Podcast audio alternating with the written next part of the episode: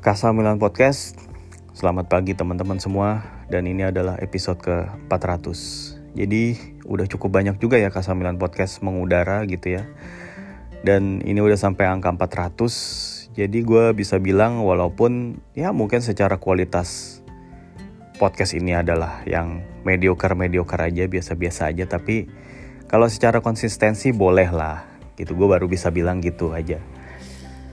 Terus hmm, gue bikin sampai sebanyak episode ini bukan berarti gue gabut ya.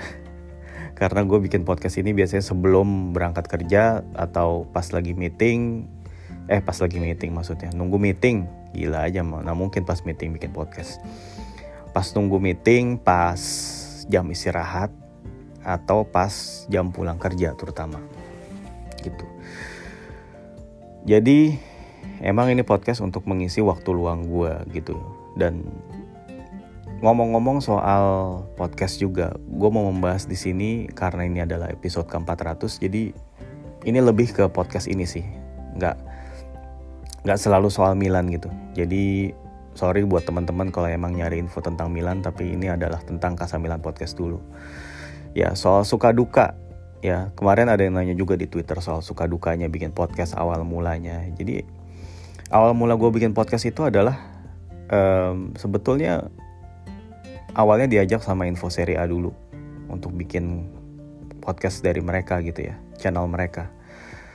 Terus setelah gue jalan beberapa kali gitu ya, gue ngerasa ah kayaknya gue juga pengen nih bikin sendiri gitu ya, konten gue sendiri, podcast gue sendiri. Dan akhirnya gue bikin klasik number 10. Ya, setelah gue jalan uh, sama Info Seri A dan bikin klasik number 10, gue pikir kayaknya gue pengen segmented aja deh bikin podcastnya soal Milan gitu. Jadi uh, eh, gue nggak lagi bikin sepak bola secara umum tapi soal Milan gitu. Dan pada saat itu Milan itu lagi nggak nggak dalam kondisi sebaik ini gitu ya. Waktu gue bikin itu musim 2018-19 yang mana itu masih peralihan antara Paulo ke Pioli gitu ya. Di situ gue bikin episode-episode. Mau Milan menang mau Milan kalah mau itu kondisinya baik buruk gue gue bikin di situ gue ceritain di situ. Dan tentunya uh, pas awal-awal gue bikin podcast itu masih nyoba-nyoba equipment ya. Uh, apa namanya ya nyoba-nyoba mic nyoba-nyoba headset nyoba-nyoba headphone nyoba pakai handphone juga dan sebetulnya nggak ada yang serak gitu waktu itu. Jadi memang pas di episode-episode awal kualitas audionya kurang oke okay lah barulah kemudian ketika gue ganti handphone ke tipe tertentu gitu ya. Gue nggak akan sebut merek di sini tapi uh, emang kalau handphone produk ini gitu ya emang terkenal dengan audionya yang sangat bagus gitu. Terlepas dari apa pun tipe handphonenya tapi kalau pakai merek ini ya itu kualitas audionya bagus gue akuin. Kualitas hasil rekamannya gitu ya. Kalau lu ngerekam sesuatu misalnya misalnya lo lagi ngerekam apa konser gitu. Ya lo lagi di konser terus lo ngerekam itu hasil audionya jernih banget gitu ya. Jernih banget nggak ada audio yang pecah-pecah gitu ya nggak yang nggak ada yang audio kaleng gitu ya. Tapi kalau pakai ini emang keren audionya nggak perlu kayak nggak perlu kayak mixing mixing lagi gitu. Gue gue ngerasa sih untuk bikin podcast beginian doang ya gue nggak mau ribet orangnya. Pada dasarnya gue orangnya nggak mau ribet. Gue nggak mau kayak bikin bikin bumper bikin kayak uh, apa opening musik atau kayak apalah penanda-penanda jeda segala macem gitu ya. Terus proses-proses editing dan mixing yang rumit gue nggak gitu. Gue nggak seperti ini. Gue podcast ini emang tidak digarap seserius itu. Ya karena gue ngerasa ah ini cuman gue doang gitu ya. Gue nggak gue nggak ikut dalam podcast networking apa pun gue nggak bertanggung jawab kepada siapa pun. Ya gue cuman ngerasa gue bertanggung jawab terhadap isi isi podcast yang gue buat gitu. Gitu aja sih gue mikirnya dan gue juga nggak nggak banyak melakukan kolaborasi. Ya sebagaimana lo tahu ini podcast format dasarnya adalah monolog tapi nggak tertutup kemungkinan sih kalau melakukan kolaborasi Cuma memang kalau kolaborasi itu gue rada malas untuk ngatur waktunya aja gitu ya. kan susah ya kayak jadi mesti nungguin orang nyocokin jadwal sama orang belum tentu orangnya bisa belum tentu orangnya mau gitu ya. Tapi uh, ada kok gue udah melakukan beberapa kolaborasi penting menurut gue di dalam podcast ini. Ya pertama dengan teman-teman gue sendiri kayak ada Isan si Romzi terus si siapa Cuplis. Ya terus sampai beberapa orang uh, yang cukup punya nama lah ya Bang Rival uh, Presiden Milanisti Indonesia. Terus ada Katon dari dari Kumparan ya. Terus ada Syakib juga dari dulu dia bekas kerja di penerbit juga. Terus pernah juga gue kolaborasi sama siapa lagi ya? Hmm, Ruang Taktik. Gue pernah kolaborasi sama Ruang Taktik di sini. Gitu lu lu cari aja di episode ini gue pernah ngobrol sama Ruang Taktik Terus gue pernah ngobrol sama Kak Ria, ya Bianconeria, lu pasti tahu dong dia kalau kalau lu fans Serie A. Itu Kak Ria itu fans Juve tapi pengetahuannya soal Serie A nggak usah diragukan lagi. Jadi gue ngomong sama dia sangat nyambung sebetulnya, gitu. Dan nggak, gue nggak tahu sih masih akan kolaborasi sama siapa, tapi ya untuk saat ini gue belum kepikiran lah. Gue masih nyaman untuk begini sendiri gitu. Ya mungkin idealnya orang banyak yang nyaranin ya bagusnya formatnya partneran gitu. Tapi nyari partner itu nggak apa nggak gampang men. Yang ngobrolnya nyambung banget ya. Yang apa namanya waktunya tuh bisa fleksibel gitu ya. Yang secara umum pandangannya tuh sama gitu ya. Vibesnya sama gitu. Itu nggak banyak sih kalau menurut gue dan ya daripada gue pusing-pusing mikirin itu lebih baik gue ya pakai format biasa aja sendiri gitu loh. Ya. Terus uh, suka dukanya apa nih bikin podcast ya gue ngerasa lebih banyak sukanya sih. Kalau nggak sukanya atau dukanya mungkin ya kok duka perasaan kayak yang gimana banget. Nggak nggak nggak nggak banyak sih justru ya hal-hal yang nggak menyenangkannya tuh lebih sedikit daripada hal yang menyenangkan gitu. Paling yang nggak menyenangkan kalau misalnya ada follower-follower yang menurut gue kurang sopan aja gitu. Kayak dulu tuh sempet tuh ada kayak yang suka apa dengan bahasa yang buat gue nggak tahu ya sok-sok dikerasin apa gimana gitu kayak Weh update dong lama banget sih kayak gitu. Wah, udah kayak apaan aja lu udah, udah kayak lu nunggu barang aja nih lama banget sih gitu. gitu loh. Ya ngapain lu maksa-maksa gue gitu. Emang uh, lu siapa juga dan ya apa hak lu juga gitu. ya pokoknya hal-hal kayak gitu sih ya. Terus selama ngejalanin akun Twitter juga ya nggak nggak semuanya orang bisa sependapat dan itu ya ya wajar aja menurut gue ya terserah bebas. Orang bebas dengan opininya lah.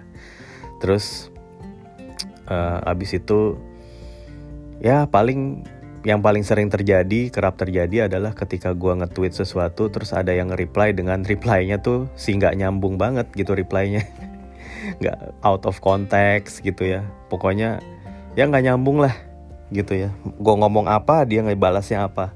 Ya paling gue kalau ngadepin yang begituan cuman gue diemin sih. Nggak, dan gue juga mohon maaf ya kalau gue tuh bukan tipikal admin Twitter yang interaktif gitu.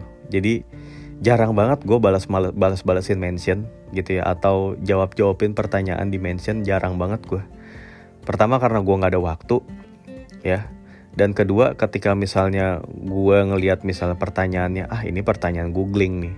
Ya udah lu cari aja di Google gitu loh. Gue uh, apa ya ya zaman sekarang gitu. Semua informasi apa sih yang lu nggak bisa dapet ya lu tinggal googling aja lah daripada lu nanya di Twitter gitu. Ntar lu, lu nanya di Twitter misalnya gue juga nggak tahu jawabannya gue kan mesti googling juga.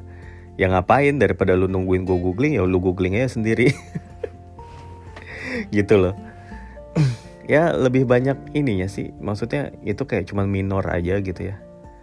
Uh, cuman sesuatu yang minor nggak nggak nggak ada yang serius gitu ya. Lebih banyak sukanya justru. Sukanya gue ya itu gue bisa berkesempatan ngobrol sama orang-orang yang tadi gue bilang.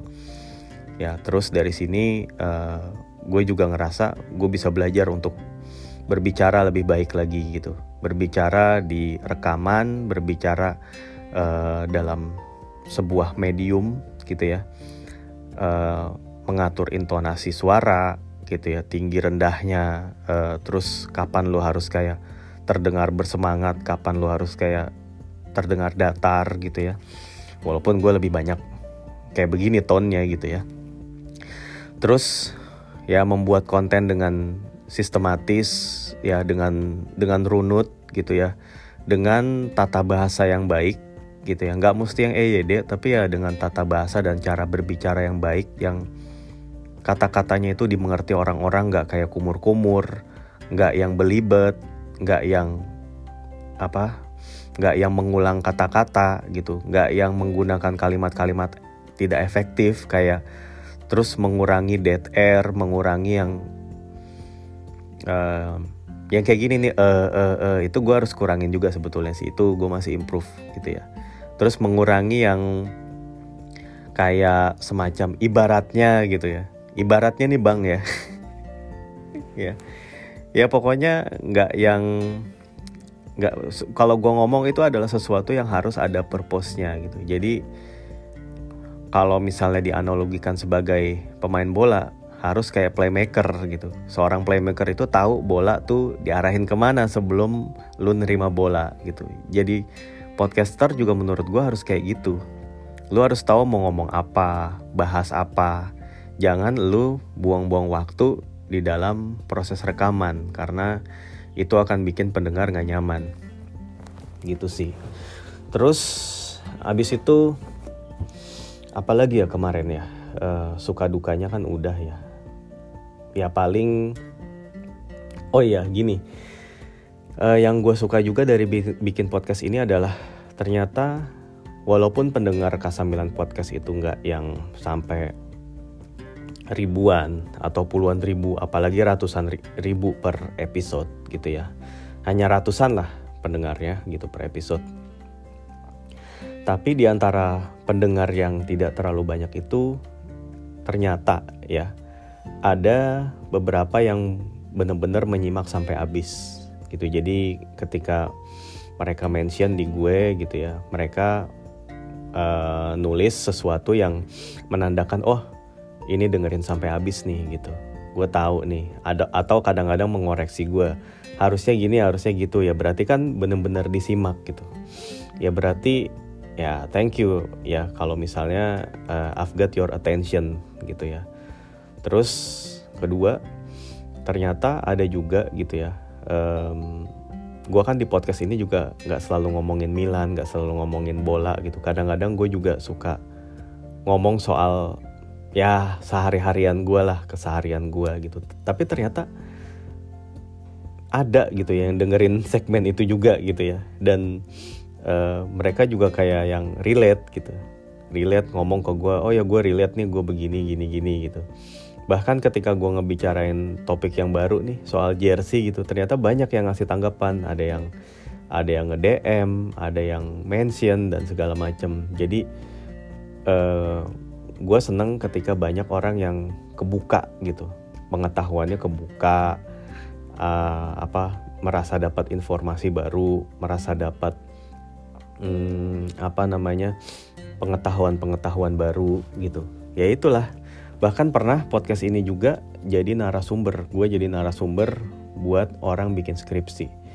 Jadi ada mahasiswi waktu itu dia bikin uh, skripsi atau penelitian tentang podcast gitu. Dan gue jadi salah satu yang dia wawancarain ya. Padahal siapa gue juga gitu. Gue kan padahal banyak podcaster terkenal ya. Tapi mungkin ya dia emang mencoba mewawancarai gue karena kalau uh, menghubungi podcaster-podcaster yang udah punya nama mungkin susah kali yang nggak dibalas kali ya. Gitu. Oh ya ngomong-ngomong soal podcaster ternama gue juga pernah dengar sat, uh, satu hal dari seorang content creator gitu ya. Jadi dia bilang ya kalau lu adalah nobody ya lu bukan siapa-siapa tapi lu pengen dikenal di dunia internet gitu ya salah satunya itu adalah lu bikin podcast atau YouTube katanya gitu.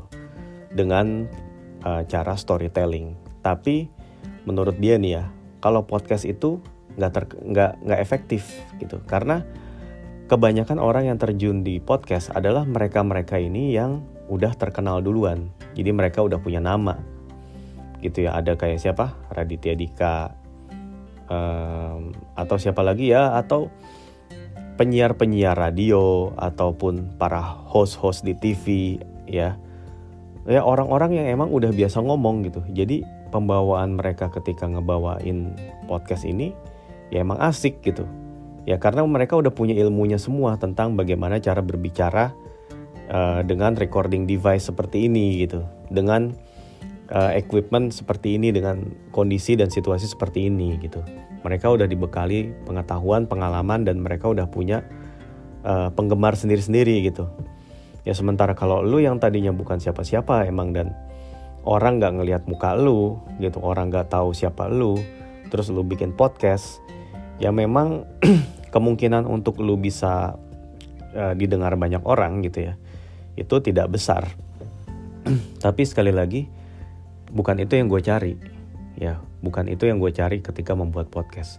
Gue membuat podcast ini ya karena gue senang melakukannya. That's all gitu ya. Gue nggak nyari cuan di sini. Gue nggak nyari popularitas di sini gitu ya. Uh, itu nggak pernah jadi purpose gue gitu ya. Gue nyari kerja eh gue nyari cuan jadi kerjaan gue gitu loh. Ini cuman kayak uh, kegiatan ya kegiatan yang mengisi waktu luang aja lah. Gitu. Terus habis itu uh, ngomong-ngomong soal nobody ya uh, gue juga tetap nobody sih. Gue ngerasa gue nobody. Gue membuat podcast ini dari gue seorang nobody dan sampai sekarang pun gue masih nobody gue ngerasanya. I've never been uh, a commentator, a pandit, an expert ya. Gue bukan komentator uh, pandit ataupun ahli gitu ya. Ya yang bisa diundang ke TV-TV gue bukan yang seperti itu. Tapi setidaknya nih dalam podcast ini gue mencoba membawakannya dengan bobot isi seperti pandit. Seperti halnya gue pandit gitu. Jadi gue bukan pandit nih tapi uh, eh, gue mencoba untuk bikin konten ini seolah-olah as if gue ini pandit gitu. Jadi gue punya gue ngerasa punya tanggung jawab untuk memberikan informasi yang benar yang akurat yang uh, informatif gitu ya yang terpercaya gitu ya yang apa uh, insightful gitu ya membuat opini-opini dan analisis yang insightful gitu ya yang bermanfaat. Semoga itu aja sih ya yang gue tuju gitu loh. Ya jadi nggak ada tuh kayak misalnya gue misalnya ketika gue lagi ngebahas pertandingan gue bahasnya oh ya gue nggak tahu itu nama pemain siapa gitu. Gue gue mencoba menghindari frase itu sebetulnya ketika gue membuat konten. Gue sangat menghindari. Jadi karena gue menghindari itu ya mau nggak mau gue riset dong ya dan ketika gue membuat konten ini gue sering gue sering melakukan riset. Walaupun kayak sesederhana nyari bahan-bahannya di internet gitu gue mencoba mencari tahu apa sih gitu ya. Ini tuh apa backgroundnya apa dan and so on gitu ya. Dan gue jadi kayak ngerasa punya manfaat gitu. Ketika gue punya podcast ini ya gue jadi sering baca ya. Gue jadi sering nyari tahu sesuatu ya. Gue jadi terus penasaran. Jadinya apa? Gue itu nggak pernah ngerasa cukup nggak pernah ngerasa puas gitu ya. Gue ngerasa gue nggak pernah ngerasa kayak yang oh gue udah jago nih. Oh gue udah paling gue gue tuh udah si paling ngerti gue udah si paling paham gitu. Jadi karena gue bikin podcast ya dan ngerasa gue harus meningkatkan uh, mutu dari podcast ini ya gue jadi terus membaca terus mengembangkan gitu. Supaya yang dengar podcast gue itu mendapatkan informasi mendapatkan insight gitu, mendapatkan hal-hal yang berguna gitu. Walaupun ini cuma sekedar podcast bola, podcast Milan, ya who knows gitu loh. Ya. Terus uh, soal buku ya emang gue udah suka nulis dari dari tahun 2010-an dan kemudian sempat ada temen yang encourage gue untuk uh, gue kan dulu bikin blog ya eh coba promosiin blog lu coba coba lu follow ini orang namanya Pangeran Siaan gue inget tuh dulu siapa Pangeran Siaan? Itu dia tuh penulis bola gitu. Ya bener loh gue follow terus gue email ke Pange dan ternyata Pange ngejawab email gue waktu itu. Dan waktu itu si Pange ngepost tulisan gue di blognya blognya dia. Wah sebagai seorang blogger bola pemula gue wah di posting seorang Pange gue ngerasa wah seneng juga dong. Akhirnya gue sempat ketemu dia ngobrol sama dia dan gue ketemu juga dengan teman-teman yang lain. Ada ada Rana ada Eki sama siapa lagi waktu itu tuh itu awal mulanya di situ tuh. Terus abis itu gue uh, diajak join ke bola total. Terus gue bergabung juga sama anak-anak Jogja ya fandom gitu ya. Ya sekarang fandom udah generasi keberapa nggak tahu tapi pas awal-awal pertama fandom dibentuk gue tuh juga sempat ikut di situ gitu sempat terlibat di situ.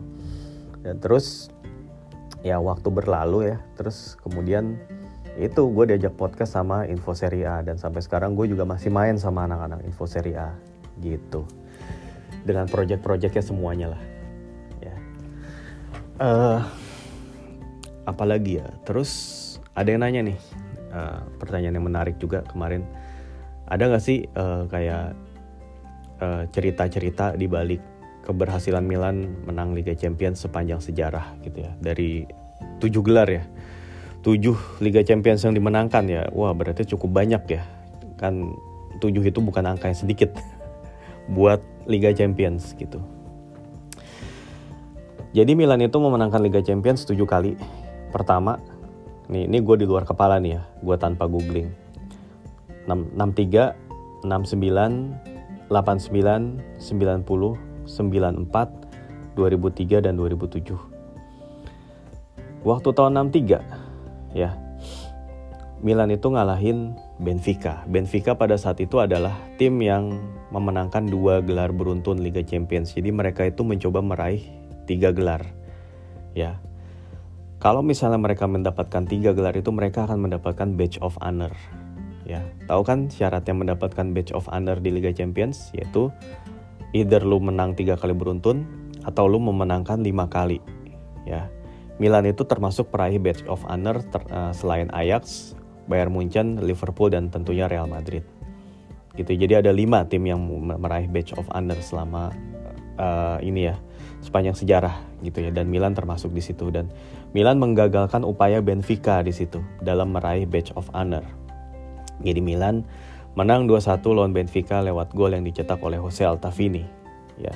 Sementara Benfica nyetak gol dulu lewat Eusebio ya. Tapi sebelum itu, tahun 57, ya sebetulnya uh, walaupun gini ya, walaupun Milan itu adalah tim Italia pertama yang memenangkan Liga Champion, tapi Milan itu bukan tim Italia pertama yang melaju hingga ke babak final. Tim pertama, tim Italia pertama yang maju hingga final Liga Champions itu siapa? Apakah Juventus, Inter, Roma? Ya, bukan. Tapi Fiorentina. Fiorentina itu maju ke final Liga Champions tahun 57 ketika mereka berhadapan sama Real Madrid.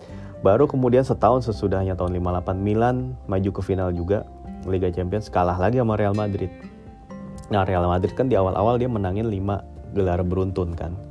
Ya, dengan dimotori oleh Di Stefano, Francesco Pac, uh, Paco Gento gitu ya. Ya dan lain-lain ya. Terus um, baru kemudian tahun 63 Milan juara Liga Champions di uh, apa namanya uh, lawan Benfica tadi ya di bawah asuhan Nereo Rocco ya. Setelah tahun 63 tim-tim Italia cukup berjaya. Inter itu merebut dua gelar beruntun ya dari terus tahun 64 dan tahun 65 di bawah pelatih Helenio Herrera. Inter mencoba memenangkan gelar ketiga tahun 67 ya dalam uh, pertandingan yang uh, digadang-gadang salah satu yang terseru juga yaitu melawan Celtic Celtic ini tim sepak bola menyerang ya yang mainin sepak bola menyerang dan pemain-pemain Celtic itu rumahnya ya di sekitar Stadion Parkhead. Ya di bawah asuhan pelatih legendaris Jock Stein ya Inter dengan Helenio Herrera ini terkenal dengan Catenaccio waktu itu. Dan pada saat uh, pertandingan Celtic menang kan 2-1 lawan Inter. Gitu ya dan banyak media yang ber, uh, menuliskan narasi kayak ini adalah kemenangan sepak bola menyerang. Bahkan ada yang bilang ini adalah kemenangan sepak bola gitu. ya pada saat Celtic ngalahin Inter. Nah kemudian dua tahun kemudian ya tersaji lagi final yang seru Milan lawan Ajax. Yang mana ini media menggadang-gadang pertemuan ini adalah uh, rivalitas antara Gianni Rivera dan Johan Cruyff ya. Dan Milan dengan gemilang menang dengan skor 4-1 pada saat itu. Ya, Gianni Rivera melakukan gerakan la pausa gitu ya setelah ngelewatin kiper, dia sempat berhenti, dia nunggu peluang. Ya, back-back Ajax banyak yang berjaga di mulut gawang, tapi di situ dia menunggu Pierino Prati masuk dan dia mengirimkan umpan setengah lambung dan bola disundul. Itu brilian banget sih menurut gue. Ya, itu gol yang jarang dibicarain orang, tapi menurut gue itu di situ Rivera masterclass, maestro gitu.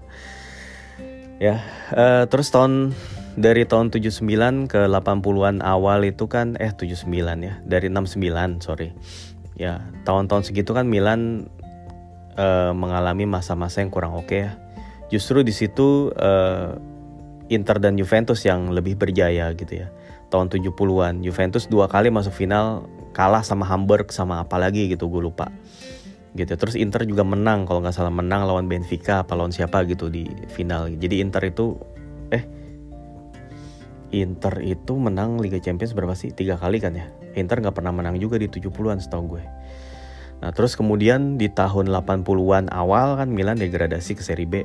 Ya boro-boro jauh dari Liga, Liga Champions. Nah kemudian Berlusconi datang, Arrigo Sacchi ditunjuk, baru kemudian tahun 89 Milan ngalahin uh, Stoya Bukaresti di final 4-0. Waktu itu Ruud Gullit 2 gol, Van Basten 2 gol. Ya.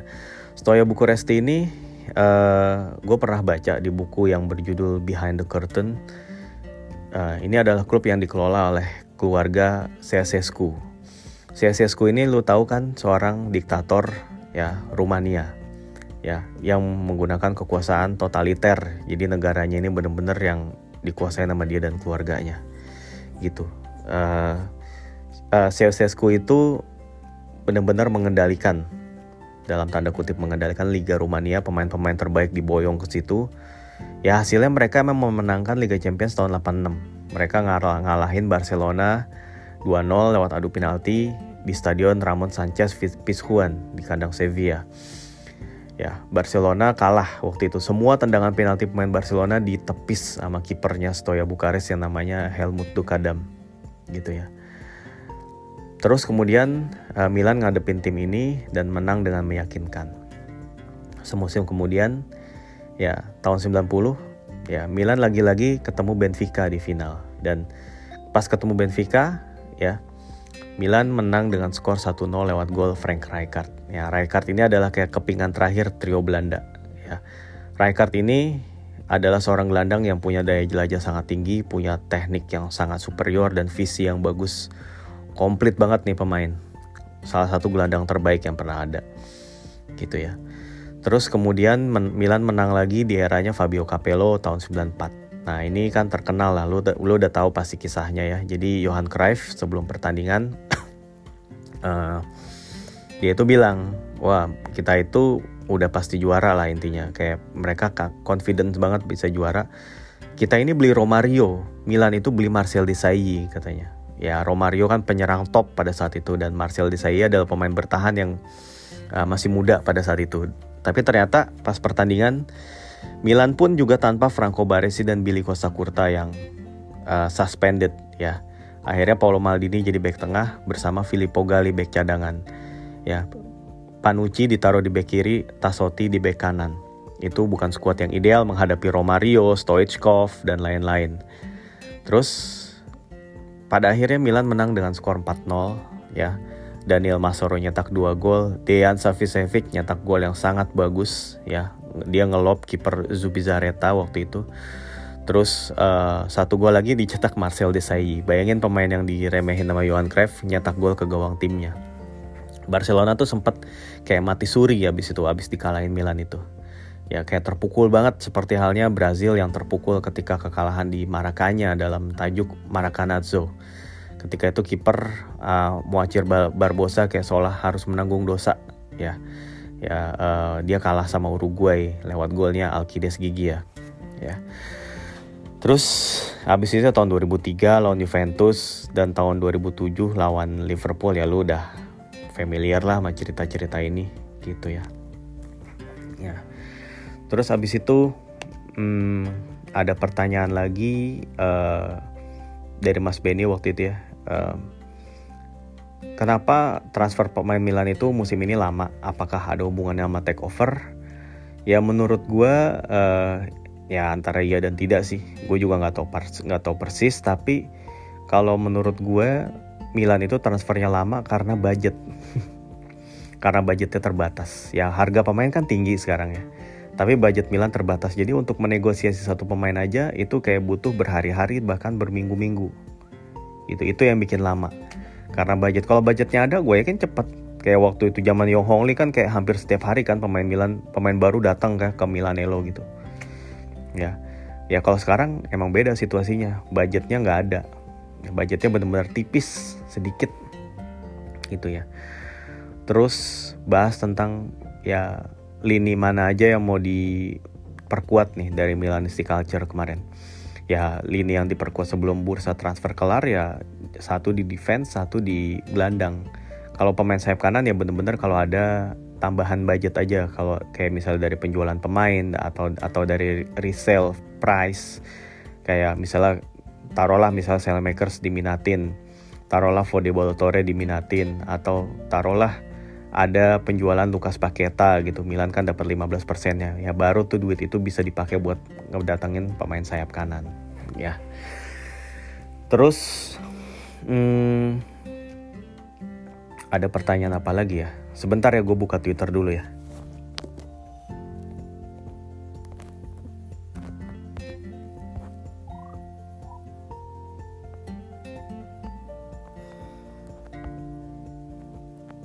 Sebentar, sebentar.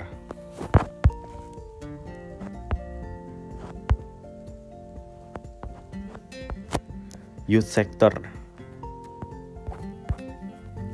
Youth sector di Milan gitu kalau youth sector itu ya memang kalau kalau musim ini banyak pemain-pemain baru yang dipromosin oleh Ignacio Abate gitu ya tapi ya santai lah youth sector ini bukan cari menangnya bukan cari yang juara ini juara Primavera bukan fokusnya bukan ke situ tapi bagaimana pemain-pemain ini bisa ngelanjutin peran pemain senior atau setidaknya sejelek-jeleknya pemain ini bisa dijual menghasilkan duit yang banyak Inter itu banyak banget ngejual pemain-pemain juniornya. Ya kemarin Kasade itu dibeli sama Chelsea bisa 15 juta euro.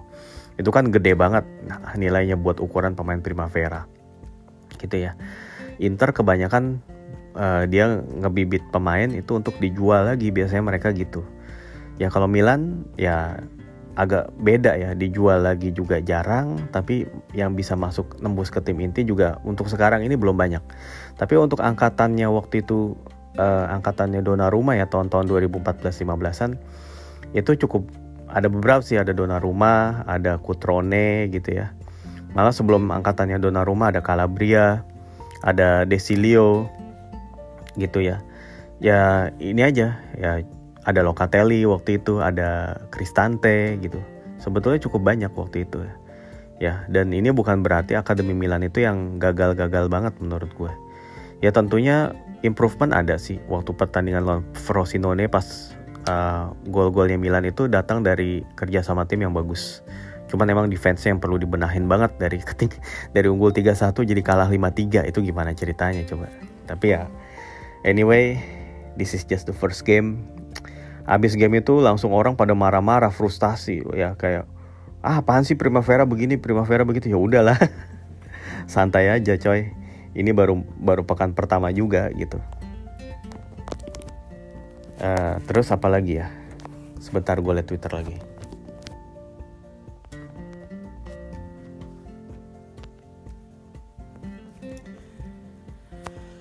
Oh iya, ada yang nanya soal Pioli's on Fire.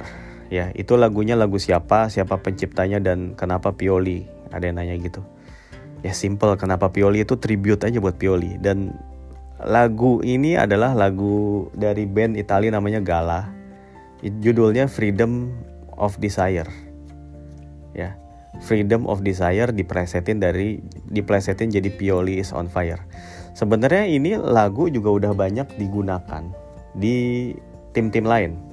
Ada tim seperti Stevenage ya menggunakan lagu ini untuk salah satu pemain mereka.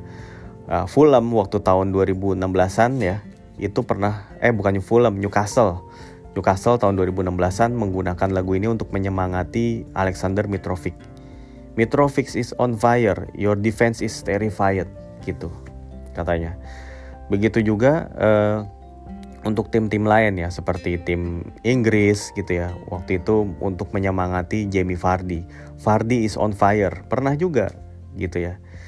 Uh, terus pernah juga ada momen uh, klub uh, Melbourne Victory dari Australia. Jadi tiap si Melbourne Victory ini menang dalam pertandingan kandang ini lagu dipasang gitu. Jadi ini bukan lagu bukan lagu baru juga. Ini emang lagu lama yang diplesetin dan lagu ini uh, sempat gue baca dibuat tahun 96 gitu ya jadi lagu lama ini sebetulnya. Gitu. Terus bentar-bentar ada lagi nggak